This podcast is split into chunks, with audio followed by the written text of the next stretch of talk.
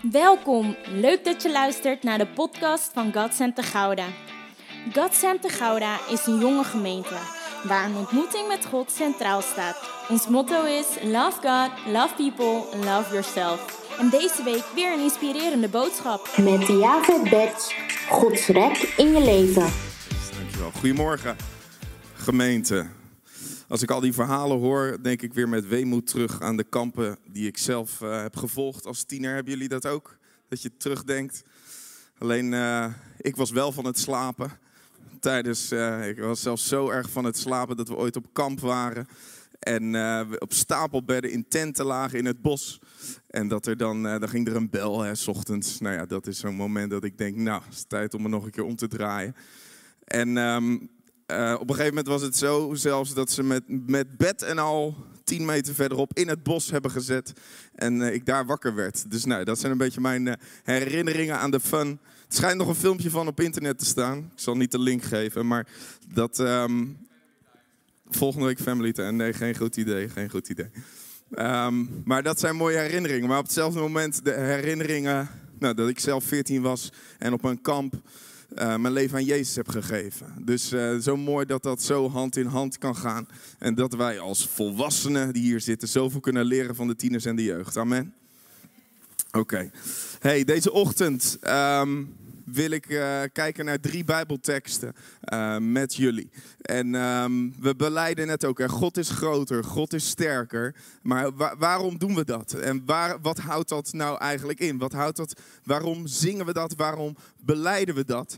En in mijn voorbereiding uh, moest ik aan die drie teksten denken. Um, en ik heb al jaren geleden een keer gedacht, ik wil daar een keer over preken. Maar dat was er eigenlijk nog nooit in combinatie van gekomen. Dus ik uh, wil ze nu eerst met jullie lezen en dan gaan we daarop verder kijken. Dus ik zou zeggen, ga staan voor het woord van God.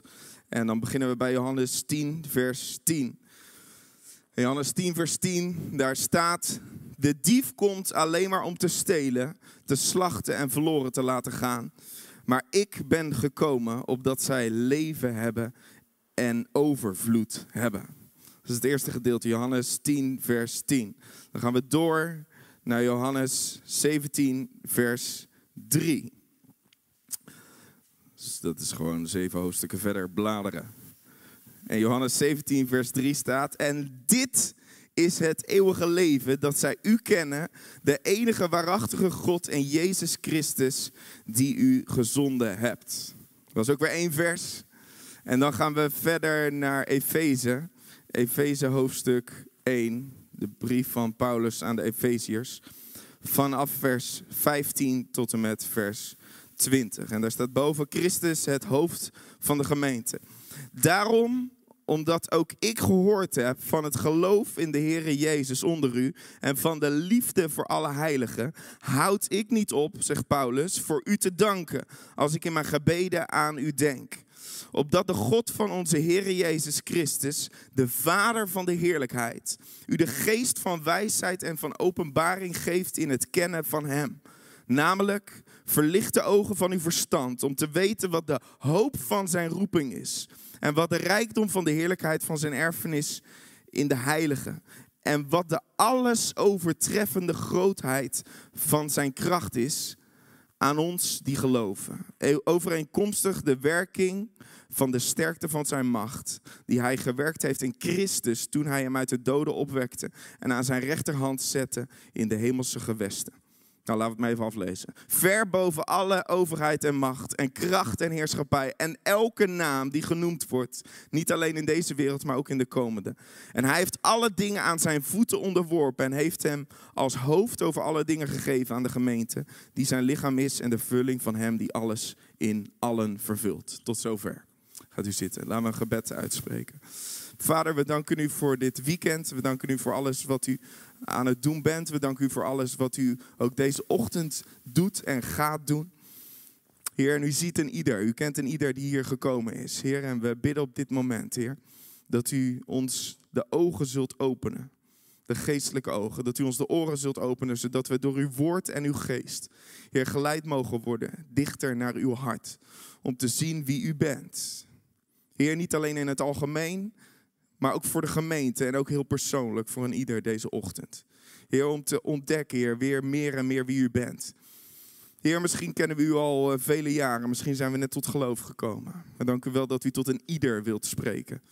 Heer, deze ochtend, omdat u een God bent die altijd spreekt. Heer, uh, leid ons zo door uw woord en door uw geest in Jezus' naam. Amen. De dief die komt om te stelen, te slachten en verloren te laten gaan. Maar ik ben gekomen opdat zij leven hebben en overvloed. Nou, dat is nog eens een bemoedigende tekst om mee te beginnen, toch? De dief die komt om te stelen. Uh, als je kijkt waar dit verhaal staat, even een stukje context. We halen er even bij Johannes 10, Johannes 17 twee teksten uit. Maar even in de context, het wordt verteld Jezus in het verhaal wat gaat over de goede herder. En Jezus laat hier eigenlijk het gigantische verschil zien tussen de dief en tussen Jezus zelf. Wie is de dief en wie is Jezus? Om te zien wie Jezus is, is het goed ook om te zien wie de dief is, toch? Dan krijgt, als je, als je Jezus alleen, natuurlijk, maar als je ziet wat de dief doet, dan krijgt, dan krijgt Jezus opeens een nog veel grotere betekenis als je het in context ziet, als je het tegenover elkaar zet. Weet je, de dief, hier eh, als, als de dief bij de schapen uitgelegd, die komt alleen maar om te stelen, om kapot te maken en om te vernietigen. Eigenlijk als je kijkt naar de grondtekst wat hier staat, hij komt hier dus om als je, dus naar de, als je naar het verhaal kijkt, hij komt om een schaap te stelen. Nou, dat, dat is hè, stelen, dat kennen we. Hij komt het om te stelen, maar daar blijft het niet bij. Het blijft niet bij stelen. Nee, hij gaat verder. Hij komt het ook om te slachten en het om het verloren te laten gaan. Dus Jezus spreekt er eigenlijk over drie dimensies waar de dief op uit is. Niet alleen om te stelen in jouw leven, maar ook om kapot te laten gaan en uiteindelijk zelfs om het verloren te laten gaan. Weet je, een dief, de duivel, hij geeft niets, maar hij neemt alles. Dat is het enige wat hij voor heeft in je leven. Nou, dat is een hele positieve boodschap, toch, deze ochtend? Je ziet dat hij er al erg enthousiast van wordt. Hij geeft niets, maar hij neemt alles. Het enige wat hij voor je leven wilt, is dat hij jouw leven kapot wil maken. Weet je, en soms komt het dan in een hele aantrekkelijke vorm. Hè, dat we denken, daar kennen we zelfs een spreekwoord voor. Maar dat is eigenlijk een, wolf die in schaapskleding komt. En ik natuurlijk kennen allemaal dat spreekwoord, maar de letterlijke vertaling betekent eigenlijk een gevaarlijk iemand die zich onschuldig voordoet. Dus de duivel die komt altijd op onverwachte momenten. En dat, is, dat probeert hij altijd van achteruit. En eigenlijk op momenten dat we het niet doorhebben. Het lijkt soms zo aantrekkelijk. Het lijkt soms zo limitless. Het leven wat hij voor heeft. Maar uiteindelijk als je het ontdekt, is het zo gelimiteerd als het maar zijn kan. Weet je, deze tekst helpt mij altijd om het even heel scherp te stellen. Als er iets is, dan denk ik, hé, hey, maar wat, wat heeft hij hiermee voor in mijn leven? Uiteindelijk om het alleen maar kapot te maken. Nou, we blijven gelukkig niet bij deze kant van de tekst, maar we gaan verder. Want Jezus zegt dan maar, ik ben gekomen niet om iets te nemen, maar om iets te geven. Waar de dief komt om alles te nemen en niets te geven, is Jezus gekomen om niets te nemen en alles te geven. Tegeltje. Zal nog een keer. Ik geloof dat er zoveel waarheid en kracht in zit. Waar de dief komt om alles te nemen, alles te nemen in je leven en niks te geven, is Jezus gekomen om niets te nemen en alles te geven. En wat geeft hij dan? Hij geeft, staat er leven in overvloed. Hij geeft, als je, je kijkt wat er staat, hij geeft leven in zijn rijkste en meest overvloedige vorm. Je zou kunnen zeggen, een meest ongelimiteerd leven wat er maar is. In de juiste zin van het woord. Wie wil dat? Ja, dat willen we toch. Een ongelimiteerd leven in overvloed. De message vertaling zegt het heel mooi. Daar staat, I came so they, ha they can have real and eternal life. More and better life than they ever dreamed of. Dus Jezus zegt hier, als je daadwerkelijk wilt leven, als je daadwerkelijk tot je leven, tot je bestemming, tot je doel wilt komen, dan moet je dus bij mij zijn, want ik geef het echte leven. In het Engels staat hier mooi, the real and eternal life. Nou, we, hebben, we spreken deze, dit weekend heel veel Engels, hè? bij de tieners Limitless. Dus we hebben het hier ook even in het Engels. Het real and eternal life, het echte en het eeuwige leven, daar is waar Jezus het over heeft. Maar dan als Jezus dat zegt, dan denk ik, wauw, dat is gaaf. Maar dan denk ik bij mezelf, oké, maar wat is dan dat e-, echte leven? Wat houdt dat dan in, toch? Wat is dan dat eeuwige leven waar hij over spreekt in de meest overvloedige vorm? Nou, dat hebben we net gelezen in Johannes 17, vers 3. Even ook in context. Johannes 10 staat in het verhaal van de goede herder. Johannes 17 staat in het hogerpriestelijke gebed. Dat is eigenlijk het gebed van Jezus voor zijn volgers. Voor zijn, voor zijn kinderen, voor ons. En wat staat daar? Hij zegt, het eeuwige leven is dat zij u kennen, de enige waarachtige God en Jezus die u hebt gezonden. Of in de message, this is the real and eternal life, that they know you, the one and only true God and Jesus Christ whom you sent. Het echte leven in zijn meest rijke vorm is het eeuwige leven. En heel vaak zeggen wij als iemand overlijdt, dan zeggen we nou, hij is naar het eeuwige leven gegaan, toch? In, het, uh, in de traditie van het leger des hels zeggen ze zelf, zelfs he or she is promoted to glory. Hij is gepromoveerd naar glorie. En dan zeggen we nou, iemand heeft het eeuwige leven ontvangen. Maar wat Jezus hier in Johannes 17, vers 3 zegt, is eigenlijk iets heel anders. Hij zegt eigenlijk het eeuwige leven, dat is het kennen van de eeuwige en waarachtige God en het kennen van Jezus. Dus eigenlijk wat hij hier zegt is dat het eeuwige leven is nu. Is nu al. Is niet zometeen als je pas doodgaat. Nee, hij zegt het eeuwige leven, wat is dat? Dat overvloedige leven in de meest rijke vorm. Hij zegt dat is het kennen van God. Dus dat begint eigenlijk op het moment dat je Jezus aanneemt in je leven. Dan begint je eeuwige leven. Toch? Zijn er nog jarigen deze week? Of afgelopen week? Ja, Julian. Nou, wat zingen we altijd? Lang zal die leven. Lang zal die leven. In de gloria, in de gloria. Juist. Maar Julian is iemand die Jezus kent. Dus we hoeven niet meer te zingen, lang zal die leven, maar eeuwig zal die leven. Eeuwig zal die leven. Eeuwig zal die. De Ria. In de. Ria. In de. Ria. Juist. En dat eeuwige leven, daar leeft hij nu al in. Dat helpt je misschien als je de volgende keer voor iemand zingt in plaats van lang eeuwig te zingen als hij Jezus kent. Waarom? Omdat het eeuwige leven, dat is nu al. Dat is het kennen van Jezus. Dat is het kennen van de waarachtige God. En dat was in het Oude Testament al, want zo werd, was God bekend. Maar in het Nieuwe Testament is daar een nieuwe dimensie aangekomen. En dan is het niet alleen de waarachtige God, maar is het ook de Hemelse Vader. Omdat Jezus gekomen is en het niet alleen maar de God is groot en ver weg, maar is God de Vader dichtbij gekomen. En God de Vader leren we kennen door Jezus. En Jezus zegt, ieder die mij heeft gezien, heeft de Vader gezien. Daardoor leer je God weer kennen. Dus het is altijd met elkaar verbonden. Het is altijd, het gaat samen met elkaar. Het eeuwige leven, waarin je als gelovige ingaat en wat nu al is, gaat dus om het kennen van God, de Vader en van Jezus Christus. Eigenlijk spreekt Jezus hier in uh, Johannes 17, vers 3, eigenlijk over een omgeving, over een sfeer, over een leven waarin geleefd wordt. Als het gaat om het eeuwige leven. Ik zou het zo willen zeggen, er is dus een verschil tussen het leven dat in iemand is en het leven waarin iemand leeft. Zo nog een keer. Er is een verschil tussen het leven wat in iemand is en waarin iemand leeft. Laat me een voorbeeld geven. Je ziet het ook al in de natuur. In de natuur hebben we plantaardig leven. We hebben dierlijk leven. We hebben een menselijk leven, toch?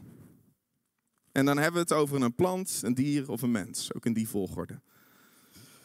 Maar in ons dagelijks leven hebben we het bijvoorbeeld over stadsleven. Of misschien plattelandsleven of buitenleven. Of een moeilijk, zwaar leven wat je hebt. En dan hierin gaat het over de toestand van leven.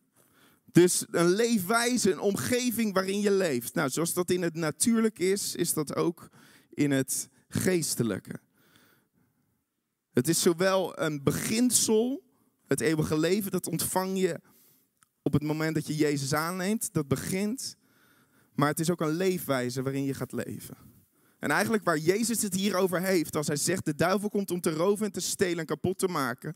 Ik ben gekomen om overvloedig te leven. Dan heeft hij het niet over dat beginsel, maar dan heeft hij het over de leefwijze vanaf dat beginsel waar je in gaat leven. Amen. Dus we leven daar nu al in. Kort gezegd zou je kunnen zeggen, gemeenschap hebben met de vader en de zoon. Dat wil zeggen, hetzelfde als wat de vader en de zoon heeft, dat heeft God ook voor jou en mij voor. Dat is het eeuwige leven. Weet je, en dat start nu al. En als wij straks promoted to glory zijn, dan gaat het alleen maar verder. Dus you better start now. Toch? We weten nu al beginnen en datgene waar we straks verder in gaan, dan, dan, dan alleen dat hebben ontvangen en denk, nou, als ik dood ga, heb ik een ticket naar de hemel. En dan erachter komen, hé, maar je gaat eigenlijk hier gewoon je gaat in de hemel gewoon verder waar je al op aarde mee begonnen bent. Het zal alleen maar in de volkomenheid worden op het moment dat we daar in de hemel zullen komen. Nou, misschien denk je, nou, dat is mooi, hè? Dat, ja, de duivel komt te roven, te stelen, kapot te maken. Jezus is gekomen om leven te geven, eeuwig leven, dat ik mag ontvangen in mij, maar mag ik ook ingaan wandelen. Maar wat houdt dat dan in? Wat houdt dat dan in wat Jezus hier zegt in het hoge priestelijk gebed? Johannes 17, vers 3, het kennen van God. Waarin kennen wij? Waarin kent God jou? Waarin ken jij God? En dat brengt ons eigenlijk bij het laatste gedeelte, Efeze 1, de brief van Paulus. En Paulus begint hier, wat we net hebben gelezen. Misschien, ik weet niet of hier nog op de beamer kan, of dat dat. Uh, nou, kijk maar. Of anders lees mee in je Bijbel, want we, we lezen even deze tekst wel door. Paulus begint hier met het danken voor hun geloof. Hij dankt hier voor het geloof wat de Efeziërs hebben in Jezus. Nou, weet je, we kunnen daar zo overheen lezen, maar als je hierover denkt, dan is dat eigenlijk heel apart. Want geloof in Jezus is toch niet zo bijzonder, toch? In die zin, ik denk dat hier heel veel mensen zitten die geloven in Jezus. Amen. Maar toch dankt hij hier voor hun geloof vanaf het moment dat hij daarvan gehoord heeft. Waarom gaat hij dan danken voor mensen die in Jezus geloven? Nou weet je, als je kijkt naar de Efeziërs hier, dan zie je dat de, de mensen uit Efeze, die geloofden niet alleen, maar hun geloof had hun hele leven doordrenkt. En het gevolg daarvan was dat zij leefden voor hun naasten, voor hun medegelovigen. En dat, daarom begint Paulus te danken. Weet je, heel vaak hoor je wel eens mensen zeggen, ja, tuurlijk geloof ik. Je wilt er niet naar de hel toe. Dat is een goede reden om te geloven. Maar dat is niet wat, eh, wat, wat, wat, dan is het die ticket van ik heb het eeuwige leven ontvangen. Maar wat Paulus hier zegt, die mensen leven het eeuwige leven. Waarom? Omdat ze het als beginsel hebben ontvangen, maar daarna het zo doordrenkt is dat ze er vanuit leven. Waarom? Omdat ze weten dat dit leven ongelimiteerd is. Het leven met Jezus is ongelimiteerd. Dus hij dankt hen daarvoor. Bij Efeze was het geloof voor de Efeziërs, het was alles bepalend. Ze leefden vanuit een geloofsvertrouwen. En lieten dit ook doorwerken in alle aspecten van hun leven. Dus het was niet alleen dat ze op zondag kerkganger waren. Een kerkganger die gaat naar de kerk en gaat zijn eigen gang. Nee, het, het, waren, het, waren, het waren volgelingen van Jezus. Dus het was niet alleen op zondag de kerkgang. Nee, ze, gingen Jezus helemaal achterna. In hun hele leven, in alles wat ze deden. En dan begint hij, na het danken, begint hij te bidden. In vers. Uh, even kijken hoor. In vers 17. Opdat de God van onze Heer Jezus Christus. Nou ja, voor de Bijbel eters onder ons. Die denken misschien, hé, hey, in vers 3 staat er, gezegend zij de God en Vader van onze Heer Jezus Christus. En hier in vers 17 staat op dat de God van onze Heer Jezus Christus. Dus Paulus heeft het een verschil tussen over de God van onze Heer Jezus Christus en de Vader van onze Heer Jezus Christus. Zie je later in hoofdstuk 3 vers 17 zie je dat ook. Maar hier heeft hij het over de God van onze Heer Jezus Christus. En eigenlijk maakt Paulus hier dus het verschil tussen Jezus als zoon van God en Jezus als mens. En hier spreekt Paulus over Jezus als mens. En eigenlijk wat hij hier gaat zeggen is dat God hier zijn wilsbesluiten gaat laten zien. Dus datgene wat God heeft bedoeld als het gaat om het kennen van hem, dat gaat hij hier laten zien. En wat vraagt hij dan? Hij vraagt om u de geest van wijsheid en openbaring te geven. Dus Paulus bidt voor de Efeziërs om een geest van wijsheid en openbaring. Het is niet genoeg in het kennen van God om een beetje wijsheid te hebben. Weet je, de ene hier heeft een hoger IQ dan de ander. Gaan we niet testen. Maar dat is niet voldoende of je nou meer of minder IQ hebt. Nee, het gaat hier om de geest van wijsheid. En het gaat niet als je een, een beetje, hè, dat je zelf goed dingen kan uitleggen. Nee, het gaat om de geest van openbaring waar Paulus om bidt. Wat hij de Efeziërs en ook u, jou en mij wil geven deze ochtend om God te kennen. Nou, weet je, het zou toch wat zijn als God uh, alles wat in zijn hart leeft gaat openbaren en wij dat alleen maar hier als een lijstje opslaan.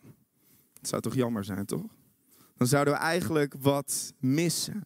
Terwijl God zegt: Hé, hey, ik wil niet dat je het hier als een lijstje opslaat. Ik wil dat je wijsheid en openbaring van mij krijgt, zodat het zo naar beneden kan zakken en hier kan gaan landen. En je er hiervan doordrenkt kan worden, net zoals bij die Efeziërs. Dat je geen kerkganger bent, maar dat je gaat ontdekken dat het je hele leven beïnvloedt in het kennen van God, in het kennen van mij. Nou, als je hier in de grondtekst kijkt wat er staat bij wijsheid en wat er staat bij openbaring, dan staat er bij wijsheid staat er goddelijke wijsheid. Dus God wil je goddelijke wijsheid geven, goddelijke wijsheid, inzicht om te zien, om Hem te kennen. Als je kijkt wat hier staat bij openbaring, dan staat er, in het Engels staat er heel mooi, the removal of the veil. De verwijdering van de sluier. Weet je, God wil als het ware die sluier weghalen. We zien hier hele mooie wolken overal hangen. En soms kijken wij naar God in het kennen van God alsof dat we een hele partij wolken zien.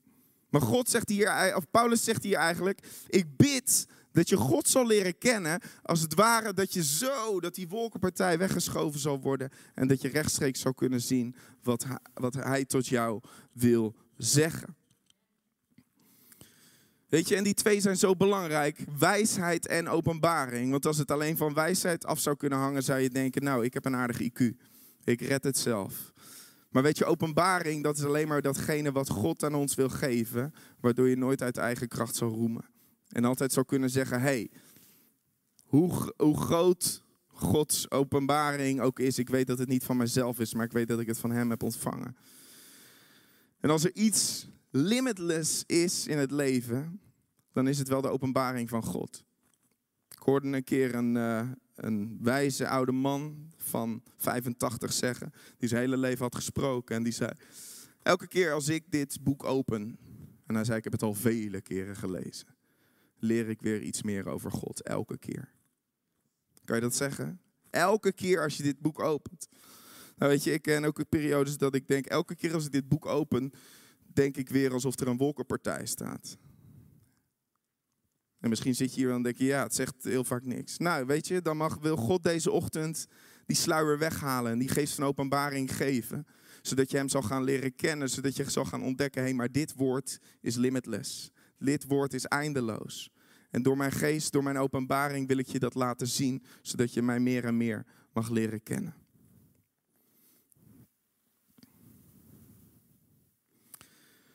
Weet je, Paulus die bidt ook niet van Heer, laat ze een aantal dingen in hun hoofd, een aantal leerstellingen of een aantal lijstjes, een aantal theorie. Nee, hij bidt dat ze God zullen leren kennen.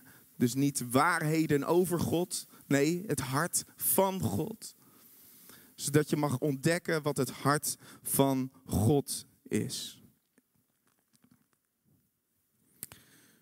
En hij, hij zegt eigenlijk al deze dingen om een opsomming te maken, om uiteindelijk drie punten te zeggen waarin hij aangeeft wie God is. Dus Gods wilsbesluiten, wie hij is, het kennen van hem. Hoe gaan we dat zien? Door, een open, of door de geest van wijsheid en van openbaring. En hij zegt door verlichte ogen van ons hart. Weet je, dat is ook het mooie is dat God heel vaak spreekt in het geestelijke, waarin een regel ook in het natuurlijke geldt. Als je kijkt, hij heeft het niet over het hart van ons lichaam, maar het hart van ons lichaam is het middelpunt van wie wij zijn. Zo is het geestelijk ook. Het hart van ons, als, daar wil God tot spreken en daar wil hij verlichte ogen geven. En dan zegt, noemt hij drie dingen. Het eerste wat hij zegt is de hoop van zijn roeping. De rijkdom van de heerlijkheid van zijn erfenis in de heilige. En de alles overtreffende grootheid van zijn kracht aan ons die geloven. Hij zegt eigenlijk drie dingen. Als je God leert kennen, leer zijn roeping kennen, leer zijn erfenis kennen en leer je zijn kracht kennen. Weet je, hij zegt, Paulus zegt ook hier niet, leer je jouw zegeningen, jouw erfenis, jouw kracht. Nee, hij zegt hier heel duidelijk, het gaat om zijn roeping. Weet je, in de tijd waarin we leven kan het soms heel ver gaan. Maar, wat zijn mijn zegeningen? Wat, zijn wat is mijn kracht? Wat is mijn erfenis? Maar Paulus schetst het hier zo duidelijk dat hij zegt: nee, alles gaat uiteindelijk om Gods eer. Weet je, als het om onze eer zou gaan, waarom staan we hier dan te aanbidden? Als het goed is, leidt dit altijd tot de eer van God. Amen. Leidt het altijd tot zijn eer, zijn roeping, zijn erfenis. En zijn kracht. En als we dat gaan ontdekken, dan gaan we wel ontdekken wat dat voor ons te betekenen heeft. Wat dat in ons leven heeft. Maar het gaat uiteindelijk om zijn eer. En ik wil eigenlijk kort die drie met je delen. Want wat is dan de hoop van zijn roeping? Nou, wat is Gods roeping en waartoe heeft hij jou geroepen? Nou, dat staat, als je je Bijbel nog open hebt, dat staat in Efeze 3, of Efeze 1, vers 3 tot en met 6. En samengevat staat daar, ik zou je willen vragen om dat eens thuis na te lezen, dat God ons heeft uitverkoren, opdat wij heilig en onberispelijk zouden zijn voor Hem in de liefde, en dat Hij ons tevoren heeft bestemd tot het zoonschap van Hem. Dus God heeft je uitverkoren, zodat we heilig en onberispelijk, apart gezet voor Hem, zodat we als zonen en dochters mogen leven.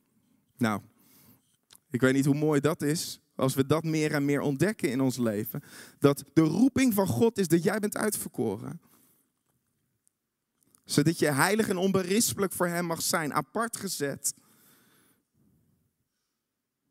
En tot zonen en dochters ben aangenomen. Je bent een zoon, je bent een dochter. Dat is Gods roeping. Zijn roeping waarin wij onderdeel van mogen zijn. Weet je, en daarom staat er ook de hoop van zijn roeping. Nu mogen we dat ontdekken. We hadden het net over het eeuwige leven als beginpunt. En het eeuwige leven om in te gaan, gaan leven. Maar heel vaak blijven we bij dat beginpunt. Maar God zegt, hey, later zal het zo zijn dat je als zonen en dochters mag, met mij mag regeren. Maar daarom mag je ontdekken dat je nu al een zoon en een dochter bent. Om daarvan uit te leven. En daarvan uit te gaan zijn en te ontdekken dat dat mijn roeping is. En daarvan uit te ontdekken dat je daar andere mensen in mee mag nemen. Daarvan uit te leven dat het niet alleen voor jou, voor jou is. Maar dat het ook voor de mensen om jou heen is. Dat is het eerste. Het eerste in het kennen van het hart van God. In dat overvloedige leven. Is dat je apart gezet bent. Dat je heilig en onberispelijk voor Hem mag leven. En dat je een zoon en een dochter bent en aangenomen bent door Hem. Nou, als dat geen goed nieuws is. Amen. Dat is het eerste. De hoop van zijn roeping. En nu is dat gedeeltelijk, maar straks zal dat volledig en volmaakt zijn. Het tweede wat er staat is de rijkdom. Wat de rijkdom is van de heerlijkheid van zijn erfenis in de heilige. Nou, wat is de erfenis? Dat staat ook in vers 10 tot en met 14. Dat heeft Paulus net daarvoor beschreven. En dat gaat over dat wij als erfgenamen samen met Christus die erfenis mogen innemen. Het is eigenlijk net zoals bij het volk van Israël. Sifra heeft er twee weken geleden over gesproken. En zij sprak erover, you fight for me, God strijdt voor ons. Maar wat de Israëlieten wel moesten doen, God gebruikte het volk van Israël om het volk Canaan in te nemen. Ja? Hij zei, jullie mogen gaan om dat, land in te nemen, dat land wat al van mij is. Dat mogen jullie in gaan nemen, je mogen die vijanden gaan verslaan. Ik gebruik jullie, ik zal voor jullie strijden. Maar dat, op die manier mag je het wel in bezit nemen. En dat is eigenlijk wat hier staat. Is dat het tweede in het kennen van het hart van God. Is dat we zijn erfenis in bezit mogen nemen. En wat is dat, de erfenis in de heilige? Dat, dat, het gaat over jou en over mij. Is dat God ervoor kiest om jou en mij te gebruiken om datgene wat hij al lang voor over heeft in bezit te nemen. Maar de vraag is, zijn we ook wij bereid om Hem te leren kennen en de dingen gaan zien zoals Hij ze ziet, om ze in bezit te gaan nemen? Weet je, ook hier spreekt hij eigenlijk over het eeuwige leven als beginpunt, maar ook waarin we gaan wandelen en gaan lopen. Dat het uiteindelijk een moment zal zijn dat we daar voor God zullen zijn. En dat we daar in eeuwigheid met Hem mogen leven. En dat Hij ons daar eigenlijk al een voorafspiegeling van geeft. En we Hem werkelijk mogen kennen. Dat is het tweede, dat we de erfenis in bezit mogen nemen. En het derde, het laatste, is dat je alles overtreffende grootheid van zijn kracht mag kennen voor degenen die in hem geloven. Nou weet je, de hele zangdienst hebben we eigenlijk over deze drie punten gezongen. Ik weet niet of je het hebt gezien, maar eigenlijk deze drie punten kwamen, we hebben het niet van tevoren afgestemd, maar eigenlijk is dit, kwam dit er, en dit kwam in het laatste lied naar voren, Jezus overwinnaar. De alles overtreffende kracht. Dat je die mag gaan kennen voor degenen die in hem geloven. Weet je, waar Paulus het hier over heeft, is eigenlijk over de opstandingskracht. En eigenlijk wat God hier door zijn woord, door Paulus zegt en ons en jou en mij toebidt, is dat dezelfde kracht waarmee Jezus uit de dood is opgestaan, dat hij die ook aan jou en aan mij heeft gegeven. Zodat diezelfde kracht ook in jouw leven zichtbaar mag gaan worden. Zodat diezelfde kracht in jouw leven tot uiting mag gaan komen. Weet je, en als ik daarover nadenk, dan, uh, dan word ik eigenlijk stil. Want wie, wie zijn wij, wie ben ik, dat, dat God het al vanuit zijn hart in zijn oorsprong had, terwijl hij wist dat wij van een weg zouden lopen, weg van, een, van een weg zouden rennen. Dat hij zei, maar toch wil ik jou mijn ongelimiteerde, alles overtreffende kracht geven. Dezelfde opstandingskracht als Jezus gaf. Of als, als die ik Jezus gaf om uit de dood op te staan. Dat heeft God gegeven aan degenen die in, Hem geloven. Weet je, we begonnen met de dief komt om te roven, te stelen en kapot te maken. En het mindere nieuws is eigenlijk dat hij dat altijd zal proberen. Dat is ook altijd ik weet niet hoe jij dat had als tiener. Ik had altijd zo'n enorme kater na zo'n weekend of na zo'n week. Dat ik dacht, oh, moet ik weer naar huis en uh, heb, ik, heb ik zoveel mooie dingen geleerd en dan lijkt het, hè, dan komt er weer van alles dat hij probeert te roven en te stelen. Maar het goede nieuws is, is dat Jezus is gekomen om een eeuwig leven te geven. En niet een beetje, maar in overvloed. Een eeuwig leven wat je mag ontvangen, maar waar je daarvan uit mag gaan wandelen en in mag gaan lopen. En wat is dat? Dat is in het kennen van God.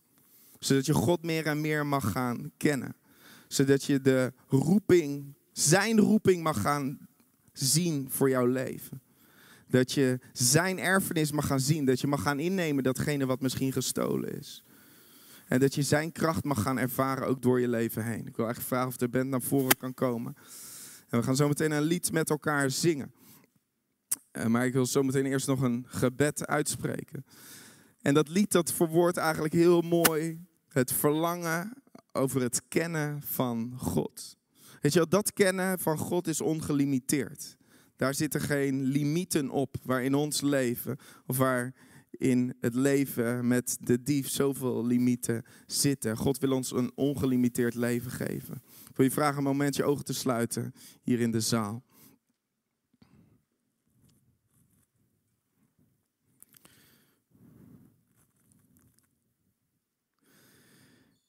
Dank u Heer dat u een God bent die zo groot is, maar vanuit de oorsprong van uw hart, Heer, van wie u bent, al voor de grondlegging van deze wereld heeft bedacht, Heer, bedoeld, Heer, om een relatie met ons te leven. Om ons het eeuwige leven te geven, Heer, niet alleen. Niet alleen om een ticket naar de hemel te hebben, Heer, maar bovenal in het ongelimiteerd kennen van wie u bent.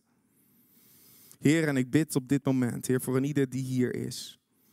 U ziet, u weet hoe we hier gekomen zijn. Heer, misschien zijn hier mensen die ja, eigenlijk zien dat de dief nog zoveel rooft. Of nog zoveel kapot maakt of verloren laat gaan. Heer, laat dan op dit moment door het woord en door uw geest, Heer, uw leven in overvloed komen. Dat roepen we een halt toe in de naam van Jezus. Heer, en u ziet hier ook hier mensen die misschien zo naar verlangen. Dat die sluier weggehaald zal worden. Heer, zodat we u meer en meer zullen gaan zien, Heer. Ik bid op dit moment, Heer. Dat u een sluier weg zal nemen, Heer. En dat u de geest van openbaring en de geest van wijsheid zal uitstorten over ons.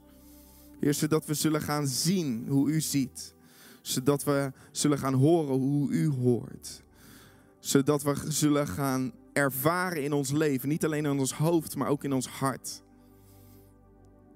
Doordrenkt zal zijn van wie u bent. Net zoals bij die Efeziërs. Heer, en ik bid op dit moment, Heer. Dat we verder mogen gaan in het kennen van u, Heer. Niet alleen rijtjes mogen weten. Niet alleen waarheden mogen weten. Heer, maar echt het mogen gaan ontdekken, Heer, wat uw roeping is. Heer, wat uw erfenis is. En wat uw kracht is, Heer. En dat we daarvan uit mogen zien wat onze plek daarin is. En als je hier deze ochtend bent en je herkent hierin of je hebt het verlangen om God daar beter in te leren kennen. Om zijn roeping beter te leren kennen. Om zijn erfenis beter te leren kennen. Om zijn kracht beter te leren kennen. Wil ik je gewoon vragen om te gaan staan. En dan gaan we zo met elkaar dit lied zingen. Dan gaan we met elkaar God de aanbidding geven. Ons hart uiten ook naar hem daarin. En hem de eer geven. Als dat voor jou is, laten we met elkaar dit lied zingen. En hem de aanbidding geven. En ons verlangen naar hem uitzingen. Om hem beter te leren kennen. Heer God, we kijken naar u. God, I look to you. Heer, laat ons zien, Heer, zoals u de dingen ziet. Ook deze ochtend. Ook hier in ons samen zijn, in Jezus' naam. We hopen dat deze boodschap je geïnspireerd, geactiveerd en gemotiveerd heeft in je wandel met God. Deel deze boodschap ook op je socials, zodat vele anderen met jou hierdoor geïnspireerd mogen worden. Ontmoeten we elkaar snel een keer in een van onze diensten? Zondag om half tien of om kwart voor twaalf in God Center Gouda.